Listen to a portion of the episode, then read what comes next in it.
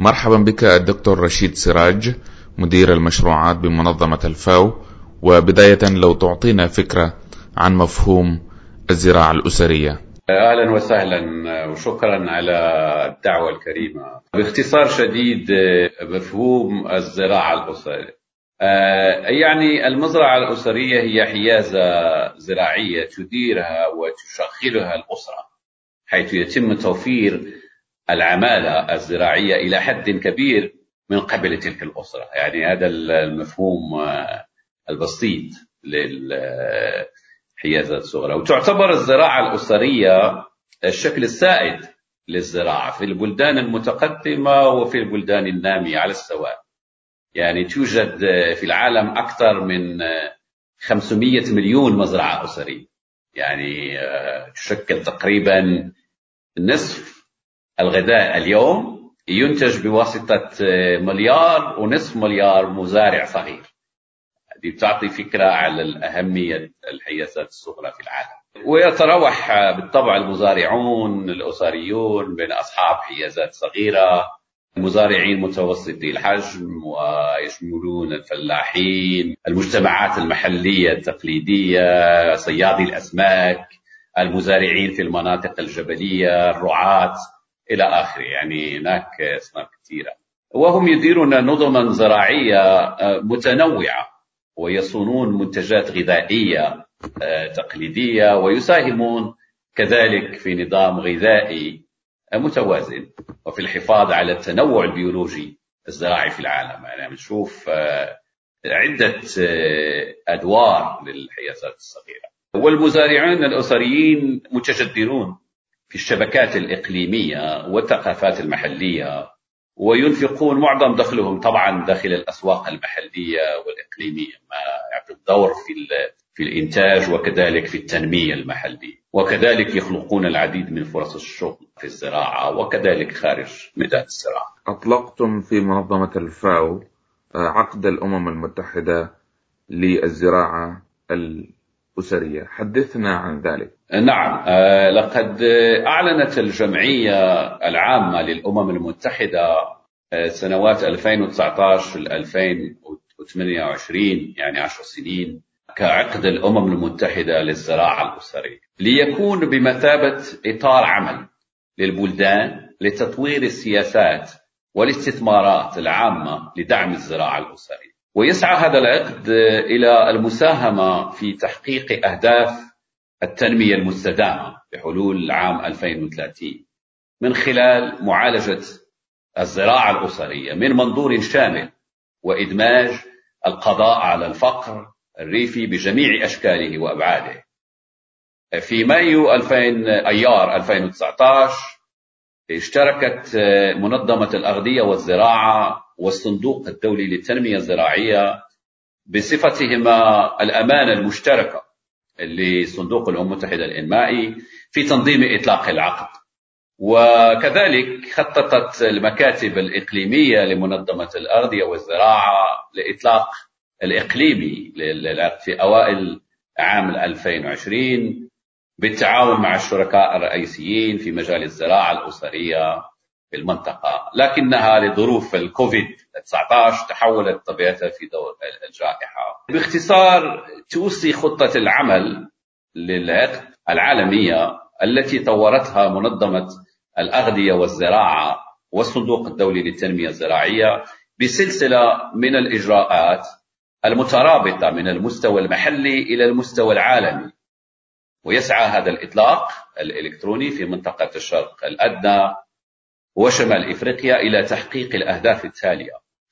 اولا توفير منصة لأصحاب المصلحة والشركاء لتبادل الآراء حول الأولويات في الشرق الأدنى وشمال إفريقيا على المستوى الإقليمي والقطري في الفترة حتى 2028. وثانيا تطوير خطة العمل الإقليمية في منطقة الشرق الأدنى وشمال إفريقيا والتي ستدعم إطار العمل الإقليمي لتعميمه وتنفيذه من قبل منظمة الأغذية والزراعة والصندوق الدولي للتنمية الزراعية والشركاء الرئيسيين. طيب دكتور كيف يستطيع المزارعون الصغار المواكبة في ظل التوسع الكبير للزراعة عموما وانتشار التقنيات الحديثة في مجال الزراعة في الأول أريد الإشارة إلى الركائز والدعائم الأساسية لهذه العقد هي تتمحور حول سبعة نقط أساسية. أولا تعزيز إنتاجية واستدامة الزراعة الأسرية من أجل النظم الغذائية المقاومة لتغيرات المناخ. ثانيا تقوية الأبعاد المتعددة للزراعة الأسرية لتشجيع الابتكارات الاجتماعية وللمساهمة في التنمية الإقليمية والنظم الغذائية التي تصون التنوع البيولوجي والبيئة. يعني بشكل متكامل. ثالثا دعم الشباب وضمان استدامة الزراعة الأسرية عبر الأجيال مسألة مهمة جدا. رابعا تعزيز المساواة بين الجنسين.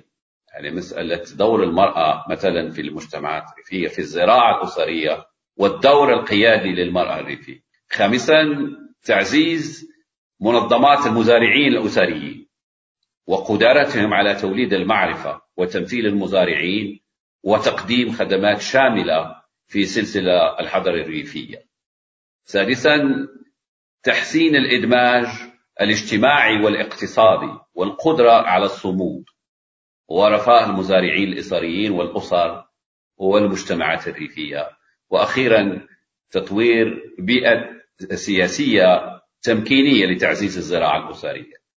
المسألة التي تتعلق بدور المزارعين الصغار لمواكبة التوسع ترتكز حول تشجيع مسألة الابتكار والتكنولوجيا الرقمية.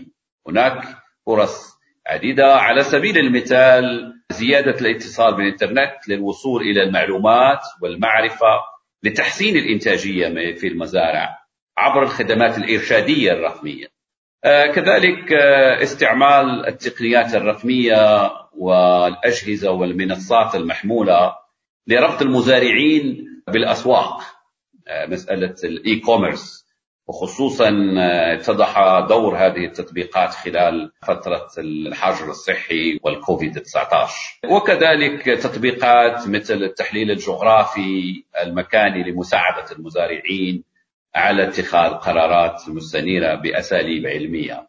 يعني هناك تطبيقات عديدة وهناك فرص لتمكين المزارعين الصغار من هذه التطبيقات والابتكارات في ميدان الزراعة. دكتور لو تحدثنا عن أمثلة ناجحة للزراعة الأسرية في المنطقة العربية هل لدى الفاو أمثلة تقدمها في هذا المجال يعني؟ نعم في كل البلدان التي تشتغل فيها الفاو وبالخصوص في المنطقة العربية لدينا أمثلة عديدة وقصص نجاح عديدة.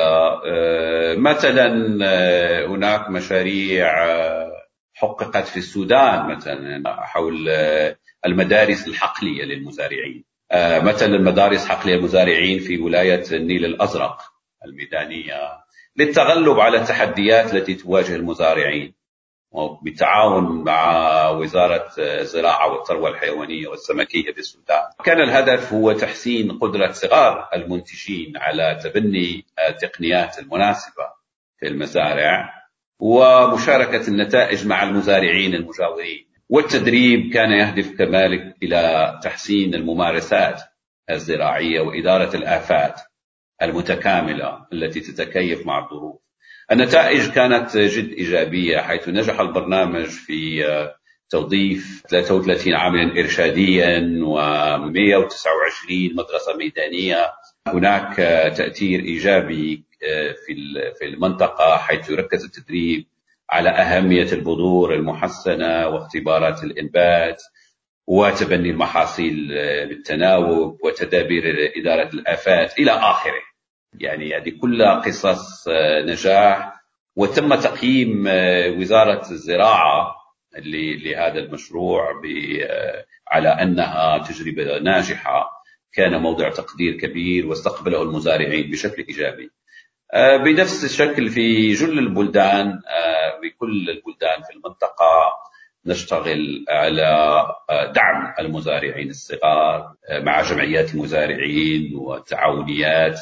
الآن كما أشرت الجديد هو حول مسألة الابتكار والابتكار الرقمي. آه، هناك مثلا في بداية سنة 2020 عملت المنظمة الأغذية والزراعة على فتح آه، ترشيحات في ميادين الابتكار وتوصلنا بأكثر ما يزيد على 120 آه، قصة نجاح من المنطقة. وتم دراستها واختيار التجارب الناجحة. في تجارب يعني في كل الميادين. هناك تجارب ناجحة في مسألة استدامة الزراعة. هناك تجارب ناجحة في مسألة الابتكار بربط بالأسواق التجارة الإلكترونية على سبيل المثال. وهذا العمل لسه يعني في في إطار التنفيذ يعني هناك قصص نجاح كثيرة في كل في كل المنطقة والشغل لا زال مستمر إذا سأل شخص عن مسألة استدامة الزراعة ماذا تقصدون بمسألة استدامة الزراعة؟ استدامة الزراعة بشكل مختصر هو أن يتم تحسين الإنتاجية ولكن مع الحفاظ على كل نظم الإنتاج والموارد الطبيعية مثلا تدبير استعمال المياه بشكل علمي موضوعي لأن لا يكون تبديل مثلا للمياه الحفاظ على التربة من الانجراف. هناك طرق عديدة تحاول الحفاظ على الموارد الطبيعية مع زيادة في الإنتاج. هي الفكرة كلها يعني ما يكونش على حساب الموارد الطبيعية والتربة إلى آخره. هناك نظم ايكولوجية agroécologie يعني زراعة ايكولوجية الآن كذلك تطبق في في جل دول العالم تحاول أن تعزز الإنتاج وكذلك الحفاظ على الموارد. أخيرا دكتور هل لديك كلمة آه، أو رسالة أخيرة من خلال هذا الحوار؟ رسالة أخيرة هي أملنا في أن تكون آه، عقد الأمم المتحدة للحيازات الصغيرة. هي فرصة لإعطاء إلقاء الضوء على دور المزارعين الصغار لأن دورهم كما أشرت هو دور مركزي محوري في الإنتاج وكذلك في التنمية الريفية. ولازم يعني آه، نعطوهم آه، كل آه، التقدير والمساعدة لتحقيق آه، أهداف التنمية اللي هي كذلك تصب في آه، التنمية المستدامة 2030 والعقد هو فكرة كما أشرت في البداية يعني لتدعيم دور المزارعين الصغار في التنمية المستدامة. في ختام هذا الحوار الذي سلطنا من خلاله الضوء على مفهوم الزراعة الأسرية نتقدم بالشكر الجزيل للدكتور آه، رشيد سراج. مدير المشروعات بمنظمة الأمم المتحدة للأغذية والزراعة الفاو. شكرا جزيلا.